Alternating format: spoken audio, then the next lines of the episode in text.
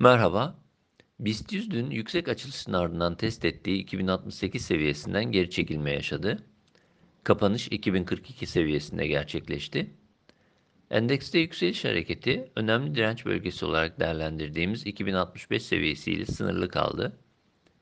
Yükseliş denemelerinin çok belirgin bir hacimle gerçekleşmediğini, bununla birlikte kısa periyot destek bölgesi üzerindeki tutunmanın iyimserliğin devamında etkili olduğunu belirtebiliriz.